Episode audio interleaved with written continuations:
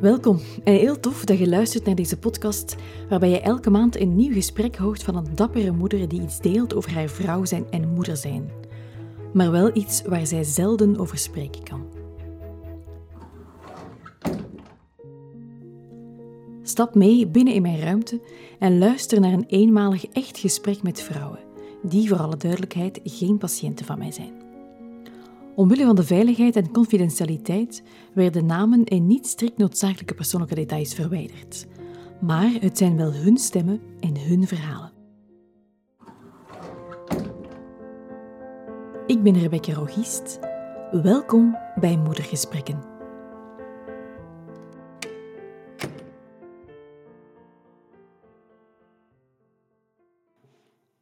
Vandaag breng ik een van mijn verhalen. Want ja, kan ik me bezighouden met verhalen van prille moeders, doorwinterde moeders, moeders met achterkleinkinderen, moeders die ergens onderweg veel te vroeg een kind verloren zijn, zonder ook een van mijn eigen verhalen te delen en te bekijken wat dat mij vertelt. Een van mijn verhalen gaat terug naar bijna vier jaar geleden. Ik was blij met mijn job in mijn eigen praktijk. Ik had ook hobby's. Ik had een nest waar ik thuis kon komen. Ik had toffe vrienden. Ik was echt best content en gelukkig. En dan werd mijn dochter geboren. Die was schoon, Goed gelukt. Ik zeg dat soms van een keer. Die is gewoon goed gelukt. En die had ook een ongelooflijk zacht velken. Daar herinner ik me nog vrij goed. Dat zijn van die velkens bij baby's, vind ik, waar jij als volwassene alleen maar van kunt dromen, toch eigenlijk. Hè? En tegelijkertijd vond ik het ook echt verschrikkelijk. Wat er voor mij echt horror was, dat waren al die maanden van gebroken nachten, van voedingen om de twee uur, de permanente verantwoordelijkheid die er was. Het gehuil, het gebler, het compleet, maar dan ook compleet verdwijnen van enige tijd voor mezelf. Ik herinner mij dat ik hier op een ochtend zo een crème naar mijn gezicht smeerde en ik dacht, amai, deze moment, dat is van mij. Die tien seconden, dat was toen van mij alleen. Ik vond dat heavy. Dat viel mij zwaar. Zwaarder dan ik had gedacht en ook veel zwaarder dan ik had toegeven. En het werd eigenlijk nog zwaarder, om dat dat toch nog maar een paar keer te gebruiken, toen een jaar later, ja werkelijk een jaar later, ons tweede dochter werd geboren. Voor alle duidelijkheid, ik was en ik ben super gelukkig met mijn kinderen. Het was gewoon een en-en verhaal.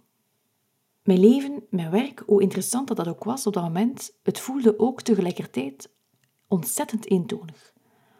Alles was elke dag ongeveer hetzelfde. S'nachts opstaan, borstvoeding, flesjes, lekkende borsten, urineverlies in het begin als je te snel de trap oploopt, pampers, crash, werken, chronische zieke kinderen die ik moest gaan oppikken op de crash. Op dat moment wist ik nog niet dat een van mijn dochters een verminderde immuniteit had, wat achteraf gezien verklaarde waarom dit zo frequent ziek was. Er waren ook verbouwingswerken in de praktijk, waardoor dat die onvoorzien eigenlijk een heel lange tijd dichtging. Ik sliep zelden langer dan vijf uur na elkaar. Enfin, horror. En heel veel ochtenden voelde ik mij eigenlijk al aan het begin van de nacht. Moe. Uitgeput. En mijn man zijn leven moeten weten, dat leek dus nauwelijks veranderd. Ik vond dat werkelijk impressive. Mijn leven, dat was compleet veranderd. Ik zat in een totaal nieuw leven.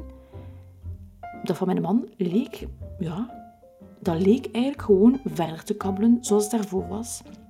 Bon, er waren er wel kinderen nu en hij sliep een beetje minder. Maar die zijn carrière, bon, dat liep allemaal verder zoals daarvoor. En plus, hij ging eigenlijk wel nog wel meer gaan werken. Ik kan nu zeggen, in alle eerlijkheid, ik was de moeder die ik absoluut niet wou zijn. Ik was een zeer onaangenaam mens de eerste periode. In de eerste plaats voor mijn partner. Ik ben er zeker van, als hij nu hoort, gaat hij bevestigend zitten knikken. Vandaag ben ik niet meer zo'n onaangenaam mens, behalve misschien in de ochtend. Maar bon, dat is relatief kort en dat passeert.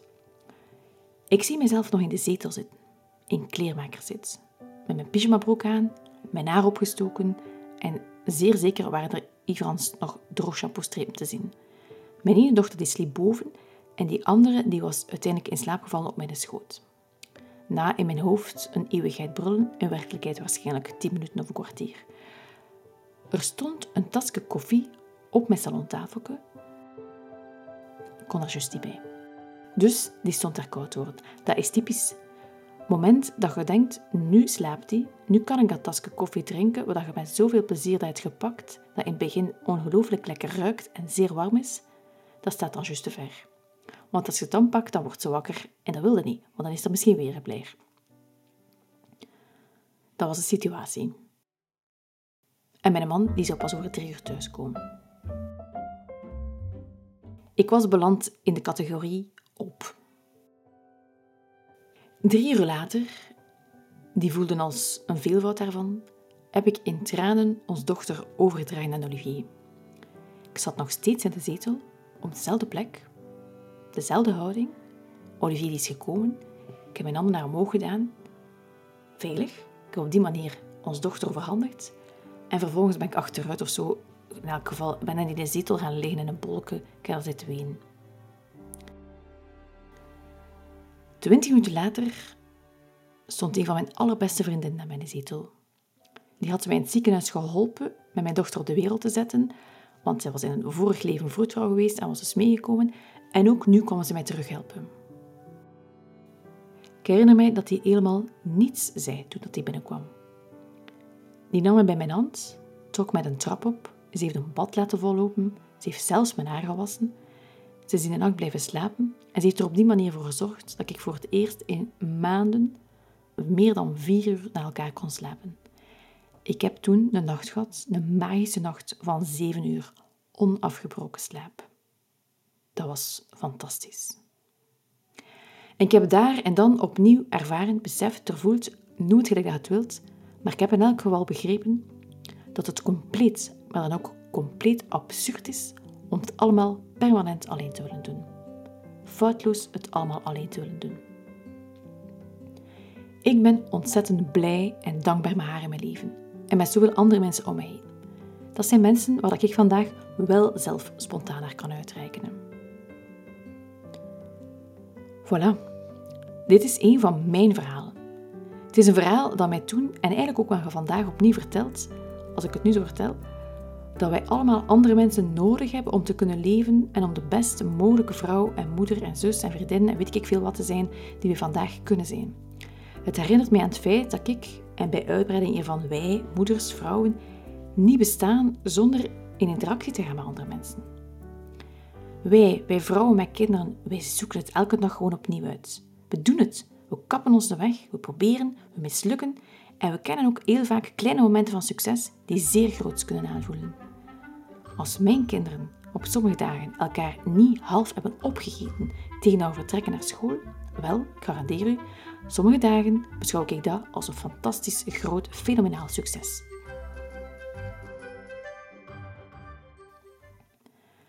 En verder zegt mijn verhaal ook dat ik vooral dicht bij de vrouw die ik ben moet blijven. Dat ik mezelf niet mag laten reduceren tot mama, maar dat ik ook absoluut stem moet geven aan wie dat ik ben als vrouw. Wat ik met deze podcast ook een stuk doe. Ik ben nieuwsgierig naar wat er bij u resoneert in dit verhaal. En ook eigenlijk welke verhalen dat jij te vertellen hebt. Ieder mens die zit vol met persoonlijke verhalen. Elke vrouw met kinderen die geeft op een zeer specifieke wijze vorm aan het vrouw zijn en aan het moeder zijn. En hoe dat wij omgaan met leven, met de dood, met contentement, met verdriet, met vasthouden en met loslaten. En als we ons verhalen luidop uitspreken, dan verbindt ons dat met elkaar. Dan geeft dat erkenning, moed, steun ook. En ik geloof oprecht dat dat iets is dat we echt nodig hebben vandaag. Want het is waar, nooit is kinderen opvoeden omgeven door zoveel andere mensen, zo een eenzame klus geweest. Nooit in de geschiedenis, denk ik, is het moederschap met zo weinig andere mensen gedeeld. En nooit was vrouw zijn en moeder zijn volgens mij zo een huzarenstukje.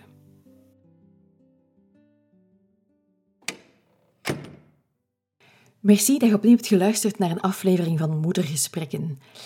Als jij ook goesting hebt om samen met mij in gesprek te gaan over vrouw zijn en moeder zijn, dan kan je hiervoor aanmelden via rebeccarogis.com. Het is trouwens zonder kinderen, met warme koffie en ook een koekje erbij als je dat zou willen. Op mijn website kan je je trouwens ook aanmelden voor een gratis klankbordsessie. Dat is geen praalbarak of ventileercafé voor moeders, maar wel samen met andere vrouwen helderheid en nieuwe inzichten krijgen op een persoonlijk vraagstuk. En dan tot slot wil ik graag nog twee dingetjes vragen. Kort, want ik weet het, als moeder heb je doorgaans niet bepaald heel veel tijd op overschot. Ik zou het heel fijn vinden als je in de app waarmee je dit hier beluistert, moedergesprekken even een aantal sterren geeft. Vijf zou uiteraard fijn zijn, maar de keuze is helemaal aan u. En als je iemand kent die iets aan moedergesprekken zou hebben, dan zou ik het ongelooflijk appreciëren als je deze podcast deelt of de aflevering doorstuurt. Voilà, woorden genoeg voor vandaag. Wat mij betreft, heel graag tot binnenkort. Ciao.